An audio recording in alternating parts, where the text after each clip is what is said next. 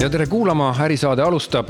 täna istun ma siin loo alevikus ja Cafebo kohvi tootmises ja minu kõrval diivani peal istub, istub Mart Roosmets, Cafebo asutaja ja juhatuse liige.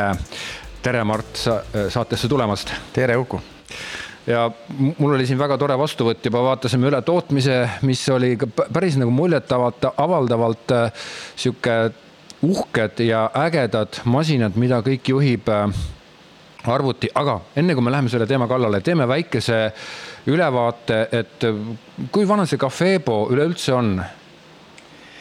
Äh, no Cafebo kohvi tootmine jookseb nüüd meil viies aasta, aga see ei ole päris nii, et, et see tekkis mõte ja homme sai ta teostatud, et kuna tehas on suur, seadmed on suured, keerulised ja kallid, et siis tegelikult äh, mitu aastat võttis selle ettevalmistus üldse aega. et me jõu-, jõuaksime üldse nagu tellimiseni ja paigalduseni. et äh, käisime, uurisime Euroopas mitmeid kohvitehaseid, kuna meie esialgne soov kohe oli saada nagu äh, väga hea valik, õige valik, äh, töötav valik, äh, siis kaalusime mitme tootja vahel Euroopast ja külastasime ka siis tehaseid, kes konkreetselt nende nagu seadmeid kasutavad, et äh, nii Itaalias, Saksas kui ka Hollandis, Belgias.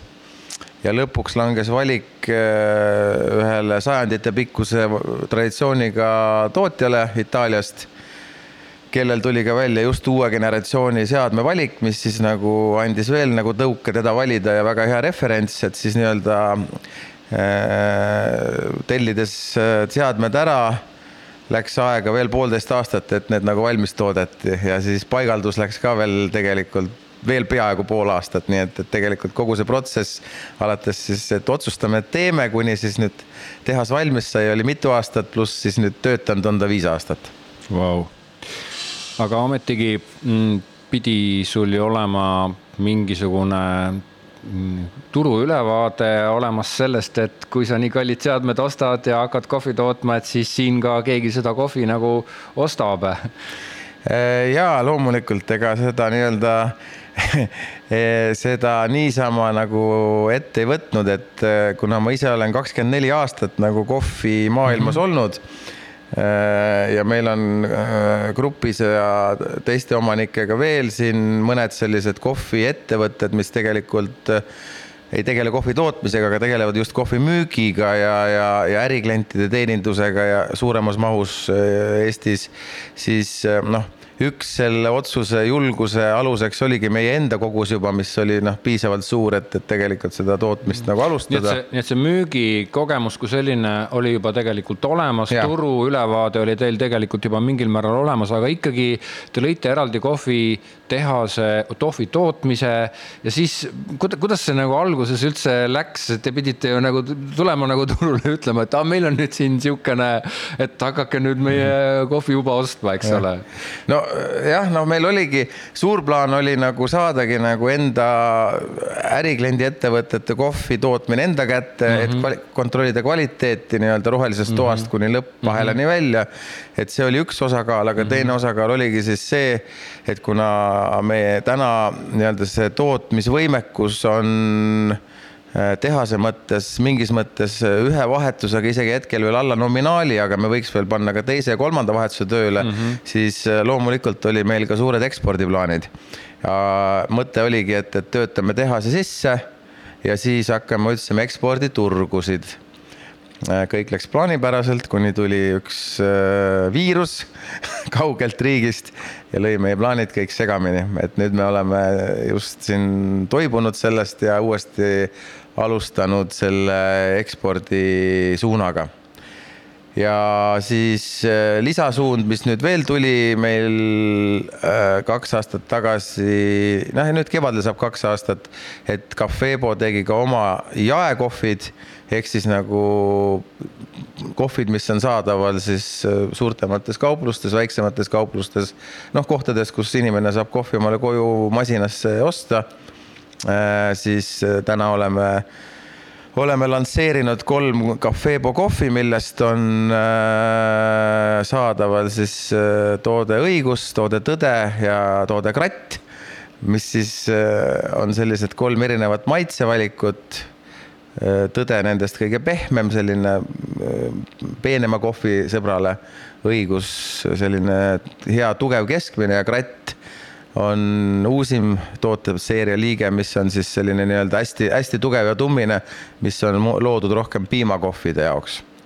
et see on nagu ka meie üks suund, ehk siis olla jaes, äh, olla äriklientidele kohvitootja, nii niinimetatud private label tootja, kes siis toodab teiste jaoks mm, -hmm. kui ka mhm. siis nagu ekspordisuund, kolm suunda.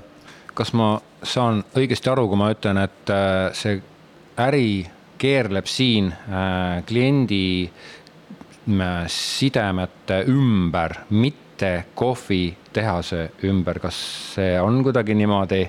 Noh, tähendab äh, ja ega noh, kui kliente ei oleks, siis me seisaks et, et nii-öelda loomulikult see käib klientide ümber, et, et me mm. klientidega töötame, neid otsime, nendega suhtleme mm -hmm. igapäevaselt mm. -hmm. eilegi siin oli üks presentatsioon ühele suurkliendile, et äh, võib-olla hakkame talle tootma tema enda nagu nimelist nagu kohvi yeah.. Äh, selleks siis on jälle vaja palju eeltööd teha, sest igaüks tahab natuke oma maitseid, et tuleb talle luua retseptid ja see on selline pikaajaline, pikaajaline töö, aga õnneks kogemusi on, et, et me nagu saame sellega kenasti hakkama.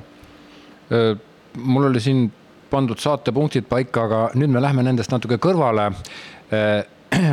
aga nüüd mind huvitab hoopis see, et tegelikult kui mina käin tavalise inimesena poes, supermarketis, toidupoes, seal on kohvisid väga palju, igasuguseid.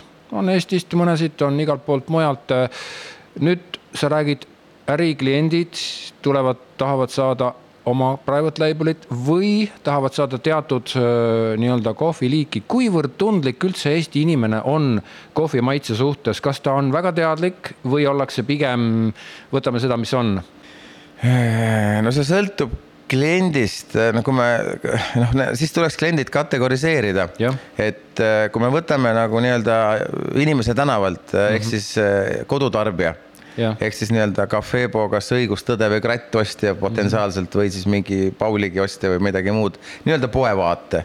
siis äh, kahe aastaga me oleme selgeks saanud selle, et nii-öelda margitruudust ja maitsetruudust on seal ikkagi pigem väga vähe, kuni kümme protsenti, et müüb rohkem kampaania ehk siis kollase sildiga alla hinnatud, kui me räägime näiteks kohvi juba mm, -hmm. siis see liigub ja kõik, mis on tavahinnaga, siis see reeglina leti peal kipub seisma, et ähm, et, et, et noh, me oleme hinnanud jah, et, et see on kuskil kümme protsenti on see selline Margi truu, truu klient, kes nagu on saanud hea kogemuse, näiteks jõi mm -hmm. Cafebo tõde mm, -hmm. talle see meeldis ja ta soetab selle ka väljaspool kampaania hinda mm -hmm.. aga nii-öelda üheksakümmend protsenti kohvidest jaes liigub nagu kampaanias ja see teine liik ehk siis teine kategooria neid on siis ilmselt need kes väga hästi tunnevad kohvisid, need on ilmselt need teie tellijad, kes tellivad kas private label'it või ja. mingit sihukest? no need on juba ärikliendid jah, kes siis nagu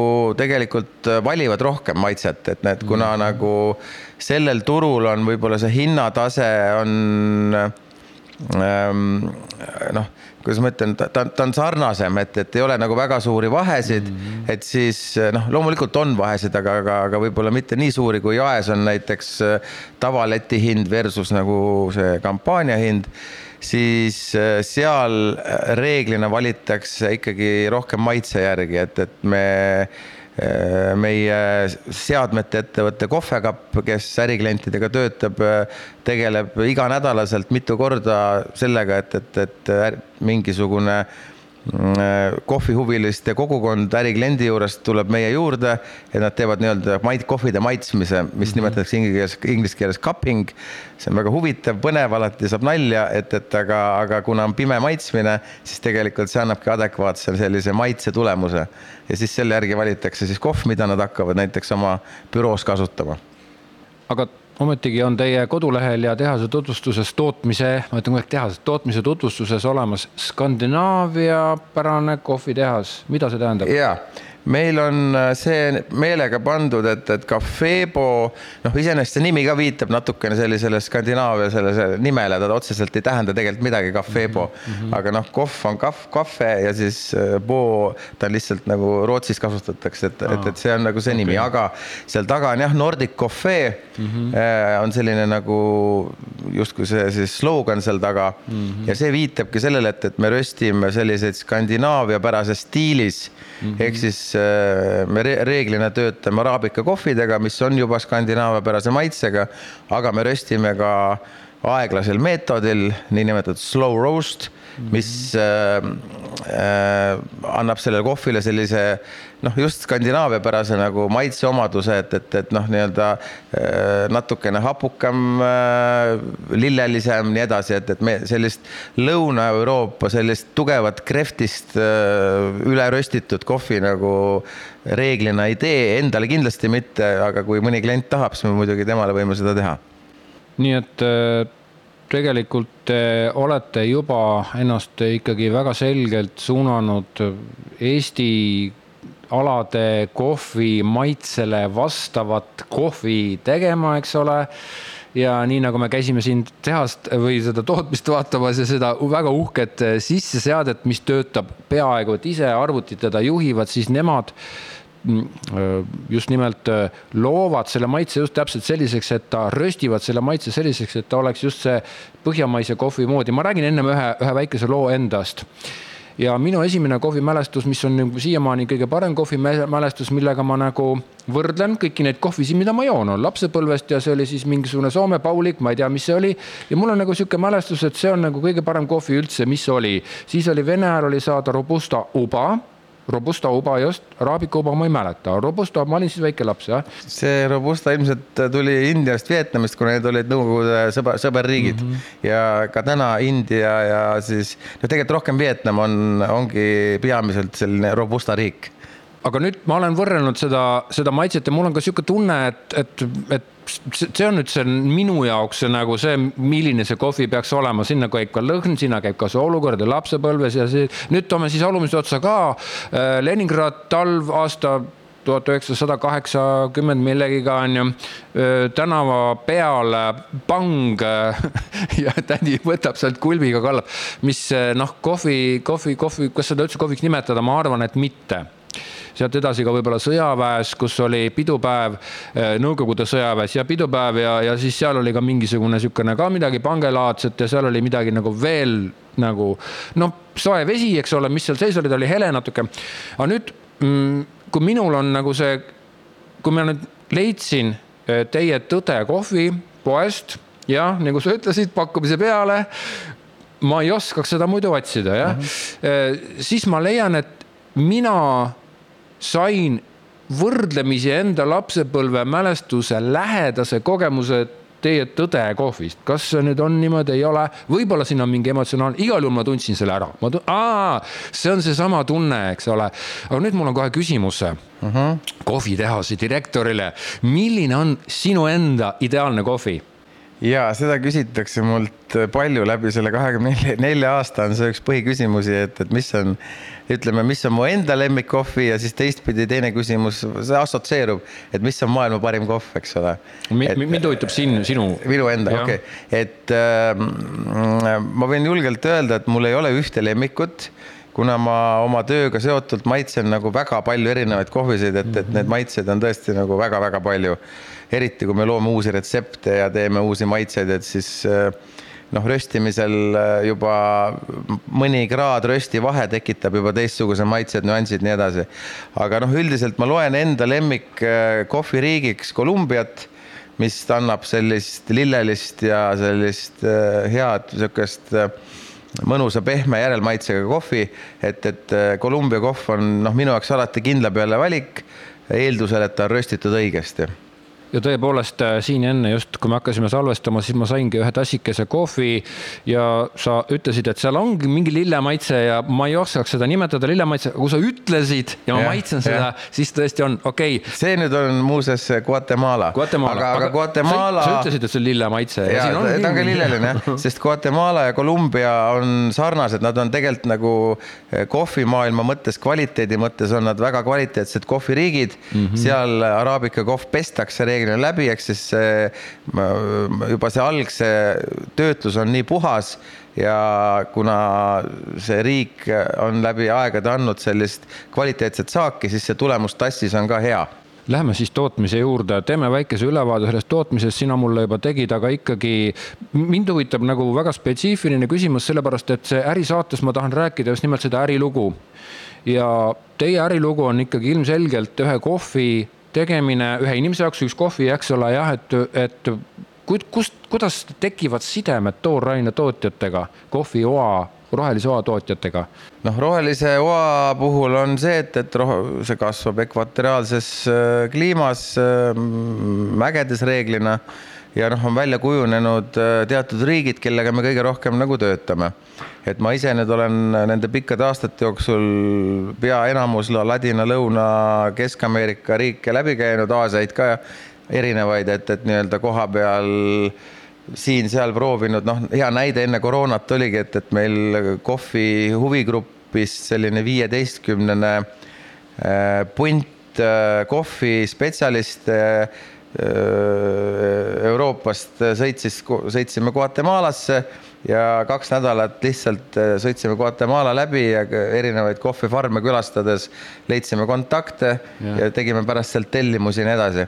et noh, puhtalt kontaktide ajaloo baasil see nagu tuleb, et, et aga, aga, aga noh, kuna kohv on nagu koguse mõttes äh, on ta maailma tooraine mõttes on ta noh, nafta järel on ta teine börsikaup maailmas mhm. käibelt. ta on nagu tohutu suure käibega, siis loomulikult on väga palju kohvi, mis liigub ka äh, lihtsalt konteinerites, ta ei ole otseselt, sa ei tea, mis farmist ta tuleb, aga ta on näiteks Brasiilia või ta on, ma ei tea, Etioopia ja ta tuleb äh, nii-öelda Euroopa Antwerpeni sadamasse ja siis seal suured laod müüvad teda edasi, et, et kas, kas ka nii on võimalik osta, et, et noh, me kasutame mõlemaid variante, et nii otsekontakte farmeritega kui siis äh, mahutoodeteks siis äh, Antwerpenist äh, ladudest ostetud, ka see on kvaliteetne, et see ei ole ka paha lihtsalt äh, sai teada nagu nii-öelda algseda äh, päritolu kohta täpselt aga ometigi ma küsisin siin sinu äh, ideaalse kohvi maitset ja sa vastasid mulle, et väga mitmed, mis tähendab omakorda seda, et sul on väga peen kohvi maitse ja tegelikult äh, kohvimaailmas, nagu ma praegult olen aru saanud, olemine eeldab ikkagi aastatepikkust tööd, sidemed ja ise ka kohvi tundmine äh,. mul on natuke sihuke tunne, et, et tegelikult sinu see, see nii-öelda kohvimaailm, see maitse, ta natuke nagu kandub üle, õnneks on sinu maitse hästi põhjamaine, et sa ei ole nagu mingi espresso austaja. aga jällegi, võib-olla oled, ma ei tea, eks ole, jah, aga, aga jällegi, et, et see kohvitehas on hästi nagu sinu maitse okei okay,, see on minu teooria lihtsalt, ma praegult jätame selle, paneme selle riiulile, selle mõtte.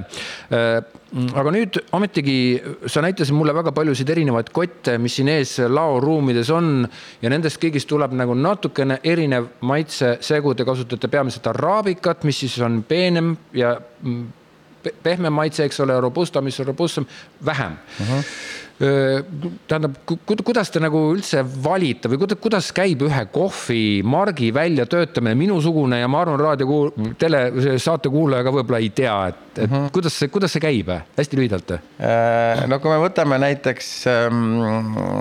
võtame tõde näiteks. võtame Cafebo, Cafebo, okay. kohvid, et, et tege-, me natuke erineme oma kohvide väljatöötamises teistest tootjatest, sest äh, Cafebo kohvid on töötanud välja, me oleme algselt me tegime algretseptid ise mm, -hmm. et mingit maitse nagu äh, sellist eesmärki silmas pidades, et noh, mhm. tõde on pehmem, õigus on kangem tegime vastavad segud, kuna me oskame juba seda, et, et mida me peame sisse panema ja mis rösti me peame tegema, et see maitse läheks sinna suunda mm. -hmm. siis me tegime kolm versiooni me sotsiaalmeediast saime huvigrupid, saatsime kümnetele leibkondadele need välja mm. -hmm. Nad proovisid, me saime tagasisidet ja niimoodi me tegime kolm ringi mm, -hmm. et me võime öelda, et Cafebo kohvid on tegelikult Vox Populi ehk siis rahva mm -hmm. nagu nii-öelda hääl, et me valisime reaalselt välja mm -hmm. nagu need, mis jäid nagu kõige rohkem valituks mm -hmm. ja need läksid meil sinna toodete nagu purki mm. -hmm. et aga kokkuvõttes see maitse saavutatakse ikkagi selle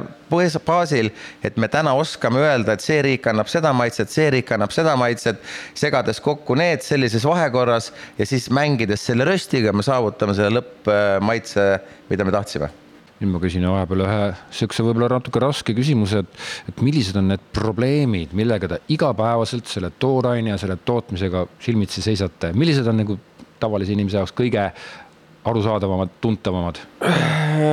no üldiselt äh, see käis ka koroonaga kaasas, aga, aga peale seda on ta ka äh, edasi läinud ja kandunud on tegelikult see tooraine saadavus ja, ja väga suur hinna nagu kõikumine ehk siis äh, noh, kuna kohv on, nagu ma mainisin, börsikaup, siis tegelikult see hind liigub igapäevaselt ah, okay. üles-alla, alla-üles. sõdadest, naftast, kõigest. ja kõigest, kõigest, et nii-öelda spekulantidest ja kõigest on ju, et noh, hea näide oligi mõned aastad tagasi Brasiilia, mis on maailma number üks araabika kohvitootjariik, kuna ta kogused on kõige suuremad yeah. ja seal tekkisid nüüd meie uues kliima nagu olukorras tekkisid äh, tohutud külmakahjud lausa kümme protsenti kogu Brasiilia kohvisaagist äh, läks mhm, hukka mm, -hmm. siis hind läks äh, mitmekordseks, mitte mm -hmm. nagu mõne noh, noh, et nii-öelda siis. Äh, mitu korda tõusis. mitu korda tõusis, et see nagu, see tohutu väljakutse meile, sest kliendid kõik tahavad ju saada stabiilset hinda yeah., aga kui meie sisseostuhind tõuseb mitu korda, siis mm oled väga suure probleemi ees. et nii-öelda see, see toorkohv roheline kohv, selle sisseost, see on võib-olla kõige suurem selline väljakutse meile ja, ja noh, nii-öelda siit edasi kantuna tegelikult see tuleviku kliima võimalikud probleemid mm -hmm. on asi, mida, millele me täna nagu ei oska vastuseid anda. aga läheme siit väikesele pausile ja õige pea tagasi.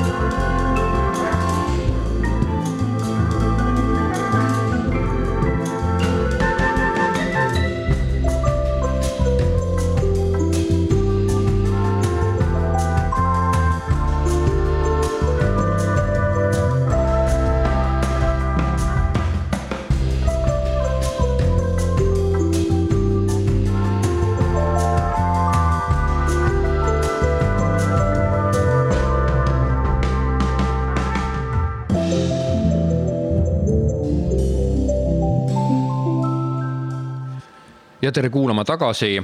esimeses saate osas jõudsime siis sinnani, et äh, Mart Roosmets, kes on siis äh, Cafebo asutaja ja mm, äh, juhatuse liige, jõudis oma nende raskusteni.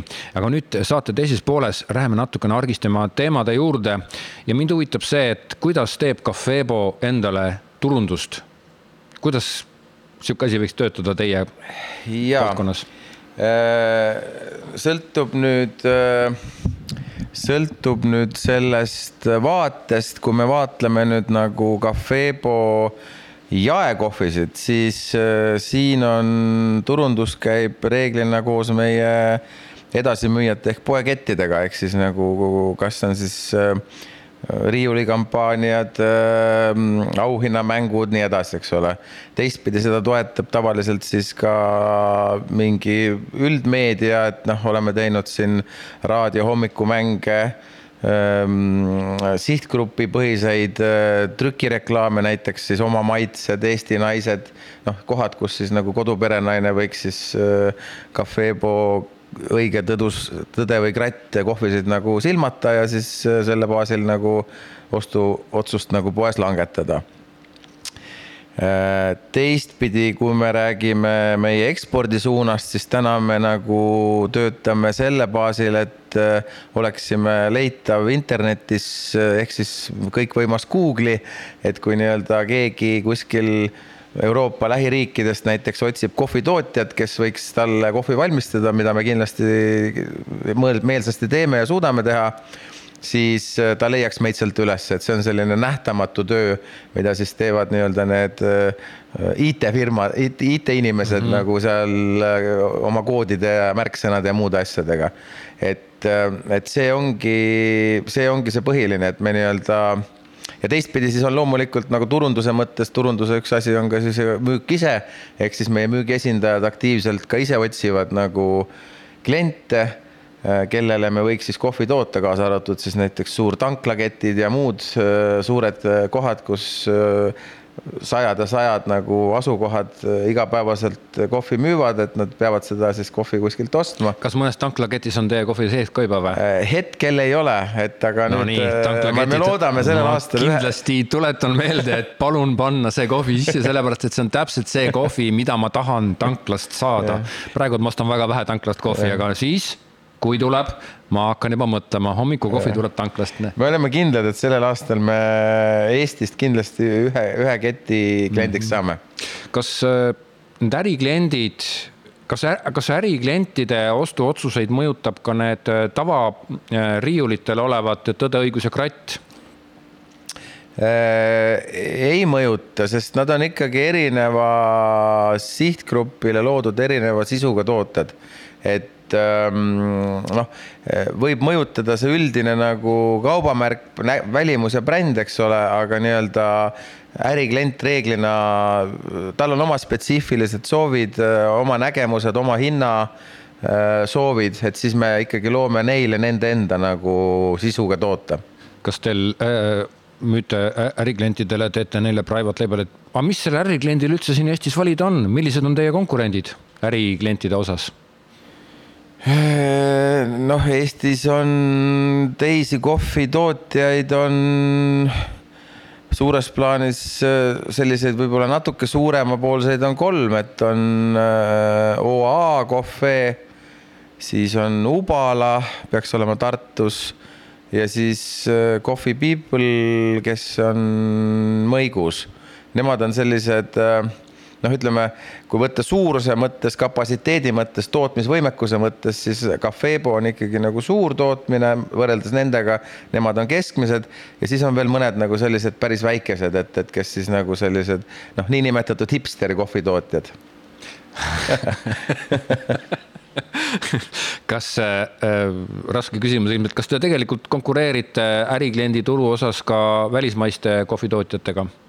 Äh, jaa, kindlasti, et äh, minu teada noh, näiteks kui võtta, rääkida ähm, suurklientidest, siis äh, ma minu teada näiteks kasvõi Alexela kasutab ju küll oma nime all, aga Pauligis toodetud kohvi, noh mm -hmm. ehk mhm. siis nagu noh, kui nende leping hakkab läbi saama, siis loodetavasti suudame konkureerida ja edaspidi mm -hmm. Alexela võiks müüa nagu eestimaist Cafebo kohvi. anname tavalisele inimesele väikese sihukese indikaatori, et kas, kui me võrdleme nagu Pauligit, kes on kahtlemata tuntud tootja ja, ja Cafebot, siis kas, kas tegemist on nagu pilvelõhkuja ja, ja väikese eh, majaga või, või kui, kui, kui suur see vahe on? no vahe on ikka väga suur selles mõttes, et kuna ma ise minu kohviteekond kakskümmend neli aastat sai alguse esimesed kolm aastat Paulik Grupis mm, -hmm. siis ma olen nendega üsna kursis, ma olen seal ka päris mitu korda käinud seal tehases. et noh, Paulig on ikkagi nagu väga suur tootja, nad on täis robot äh, meeletud mahud, et, et, et noh, kuna nii-öelda ajalugu läheb juba ju sada rohkem aastat, aastat tagasi, et, et, et ja Soome ka ise on kohvitoot-, mitte kohvitootja, vaid kohvijooja number üks maailmas mm. -hmm. et soomlased ise joovad kaks korda rohkem kui Euroopa Liidu keskmine mm. -hmm. ehk siis see kõik loob aluse selleks, et Paulig on väga suur. aga noh, nii-öelda siis äh, ei ole väga suuri nagu noh, siin ei saa väga suuri erisusi olla, mida suudavad nemad, mida ei suudaks meie mm. -hmm. et noh, jah, me oleme väiksemad mm, -hmm. aga kõik muud alused nagu sama kvaliteedile, sama hinnatasemele on olemas jah, siit äh, mulle nii meeldib, kuidas saate jooksul on praegult välja joonistunud see noh, sinu lugu ja ilmselt ka selle kogu selle sinu kaasettevõtete lugu ja üldse kogu selle ühe kohvi tekkimise lugu, sest mina ikkagi pean seda, seda ühe kohvi tekkimiseks ja, ja kuigi sa ütled, et tegemist on suurtootmisega, ma täitsa usun sind ja ma ei ole kohvimaailma spetsialist, aga kui ma siia sellesse ruumi tulen, siis ja kui ma seda kogu seda Eesti asja vaatan, siis tegemist on võimeka väikese ja nunnu tootmisega, kas see võiks mingisuguses aspektis olla õige vaatenurk? no aitäh komplimendi eest, ma loodan küll, et me oleme nunnu, nunnud. Täiega, väikesed ja kihvtid ja, ja ütleme, et see, mida, mida ma siin tunnen ja mida ma siin näen, et see on väga kihvt, aga nüüd ikkagi üks on minu vaade, mina olen nagu saatejuht ja, ja üks on minu vaade, aga kuidas võtavad Eesti inimesed üldse, kuidas sa, millist tagasisidet sa oled saanud? Peale ütleme, jätame selle, kes otseselt tuleb ja kiidab, ütleb ja ma maitsesin väga hea oli milline on see tagasiside neutraalne, neutraalselt punktilt võetuna mm? -hmm. no me oleme noh, reeglina me saame äh, tagasisidet ikkagi äh, ütleme, kui me võtame nüüd Cafebo kohvid, õigustada kratt mm, -hmm. siis üks asi, mis jäi mainimata turunduse mõttes on, mida me oleme aktiivselt teinud, on tegelikult me suurtemates jaepoodides kohvi maitsmine mm -hmm. poodides mm. -hmm. et siis nii-öelda meie oma inimene on käinud näiteks, ma ei tea, Selveris mm. -hmm ja pakub seal kohvisid äh, maitsta, siis see tagasiside, kui see inimene selle proovib, on ikkagi kohe hea olnud ja tavaliselt alati see pakk sinna nagu korvi nagu rändab mm. -hmm. et see on selline vahetu tagasiside mm -hmm.. noh, teistpidi äh, need maitsed ja retseptid, mis me oleme teinud näiteks enda ärikliendi ettevõtetele ehk kohvekapp või joogiekspert, siis seal see tagasiside on ka väga vahetu, sest meie tehnikud, töötajad käivad kogu aeg ju kliendi juures, masinate mm -hmm. juures, nii edasi mm -hmm. ja ja, ja, ja kui see tagasiside ei oleks hea, mhm. siis me seal nii-öelda ei suudaks neid teenindada mm, -hmm. et, et, et see, et see noh, see, mm, need valikud ja see, see, see kohvi valik sinna kliendile eh, peab olema selline, et see klient on rahul ja sellepärast ka see valik on suur, et, et noh, näiteks kohvekapil on meil kolmkümmend erinevat nagu kohvisorti aga ometigi, kui me nüüd läheme veel siin korra sinna sihtgrupi juurde, et tegelikult, kui te Eesti inimestele peate kas otse või kaudselt müüma, siis eh, on, usun, et on olemas Eesti inimeste hulgas ka neid, kes hindavad sootust teistsugust kohvi. ilmselt on mingid espresso, mingid ütleme, selle sihukeste karmimate kohvide armastajad, et, et noh kui palju neid on või, või kas, kas enamus, kas enamus inimesi armastab sihukest soome, soomepärast või, või no põhjamaist kohvi mm. -hmm. ja kui palju neid espresso austajaid mm -hmm. üldse võiks olla või kuidas see maailm üldse jaguneb?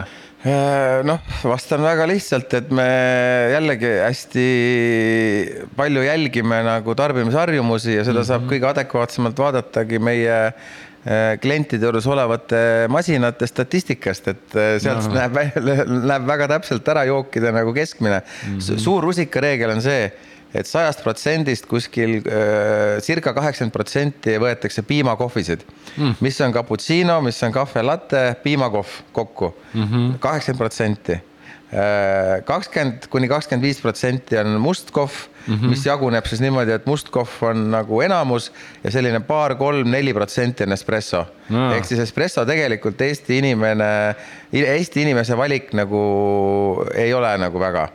aga kui me läheme jällegi rahvusvahelisse ettevõttesse, siis seal espresso osakaal nagu tunduvalt suureneb, et, et, et nii-öelda Eesti, nii-öelda Eesti tarbija põhiline kohvivalik on piimakohv ehk siis mm -hmm. kohv kuuma piimaga mm, -hmm. cappuccino, kui masin seda võimaldab ja siis must kohv, ütleme kolm mm -hmm. põhilooki kas äh, Eesti tarbijate mm, see statistikas võib-olla oled märganud, on ka mingisugune sessoonne sihuke talvine-suvine kõikumine või?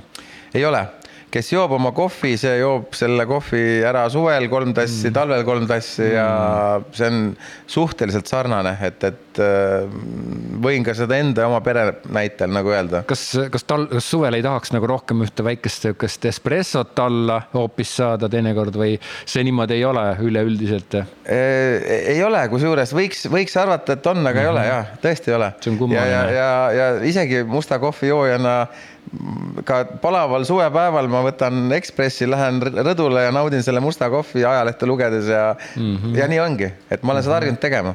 inimesed on, on oma harjumise orjad. On, et, et tegelikult, kui me seda musta kohvi vaatame ja piimakohvi vaatame, siis ma peangi tunnistama, et kohvimasinate üleüldine maailmalaiune ja niisugune harjumuspärane hoiak on ikkagi piimakohvid, sellepärast et neid on niivõrd palju, niivõrd erinevaid, aga kui sa vaatad tavalist musta kohvit, tavaliselt küsib musta kohvit, siis noh, sellel müüjal on ka tavaliselt kui ta masin ei tee, siis, siis mina tean juba, et see on americano mm. -hmm. kuigi seda vist tehakse espresso põhjal või sinna pannakse vett hulka, eks ole. Kohvikus... masin, et masinad ei toeta tavalist põhjamaist kohvi.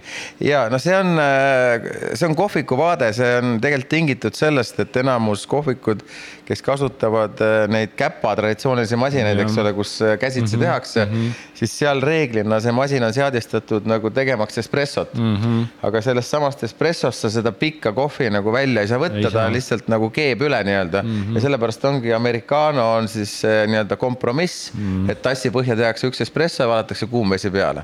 aga mina ise eelistan nagu ikkagi nagu masinakohvi, kus Täpselt. siis tuleb automaadist kogu kohv, vesi tuleb läbi kohvi. jah ja see, ütleme, Eesti alade kohvikultuur ilmselt äh, nagu ulatub nagu päris äh, sinna mõisa aega välja, kus siis ilmselt siis saksa mõisnikud või, või, või kust Euroopas see äh, kohvi üldse Eesti aladele on jõudnud, et, et sealt tuleb ka see Eesti inimeste kohviharjumus ilmselt see põhjamaise Skandinaavia pärase kohviharjumus, kuna teil on ka Skandinaavia pärane kohvitehas, eks ja. ole ju. nojah, see on noh, Eestis nagu ülipikka kohvikultuuri ei ole, eks seal ongi esimese vabariigi ajal Kultas ja muud äh, need äh, kohvikud, kes äh, alustasid, noh, nemad lõid seda, aga siis tuli ju okupatsioon ja kõik läks nagu segamini, eks ole.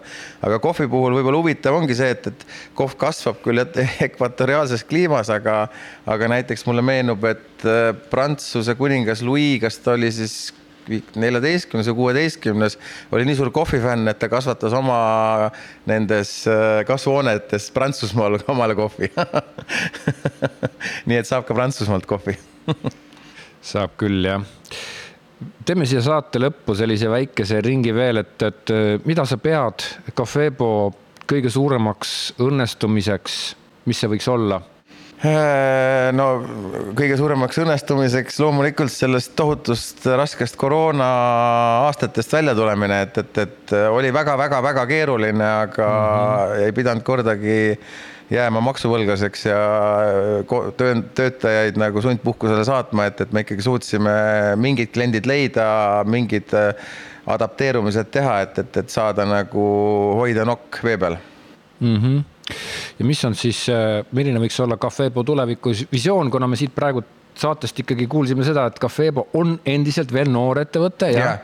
mis see tulevikus, mis värk on? tulevikuvisioon on see, et, et, et äh, meil siin töötaks äh, tänase ühe vahetuse asemel kolm vahetust hmm. ja Mahud, me, meie ja. kohv liiguks ikkagi Skandinaavia riikidesse, kus on meie nagu selline oskuslik äh, meie oskuslik röst ja meie oskuslik kohv äh, oleks kindlasti oma kohal. ehk siis Loome, Rootsi, Taani, Norra päris võimsad äh, eesmärgid, arvestades, et sealne kohvikultuur on ja sealsed harjumused ja sealsed kohvitehased on päris võimsad ja suured, et. on suured ja. kuidas aga, te nende vastu saate? aga kõik on võimalik, aga samas turud on suured ja, ja natuke ruumi on kõigile, et, et ja me mm., me suudame kõikidele riikidele teha nende maitsed ja nende röstid, et see ei ole üldse nagu küsimus. mida ma veel küsimata jätsin, mida sa tahaksid saate lõppu veel öelda? Äh, tahtsin öelda seda, et kui olete kohvisõbrad, siis minu alati soovitus on see, et pigem tarbige üks tass vähem, aga tarbige kvaliteetselt. aitäh saatesse tulemast, Cafebo äh, asutaja ja nõukogu liige Mart Roosmets. aitäh tulemast, Uku. ja mina olin siis saatejuht Uku Nurk ja järgmises saates juba järgmine ärilugu ja järgmised inimesed, kuulake meid jälle, tšau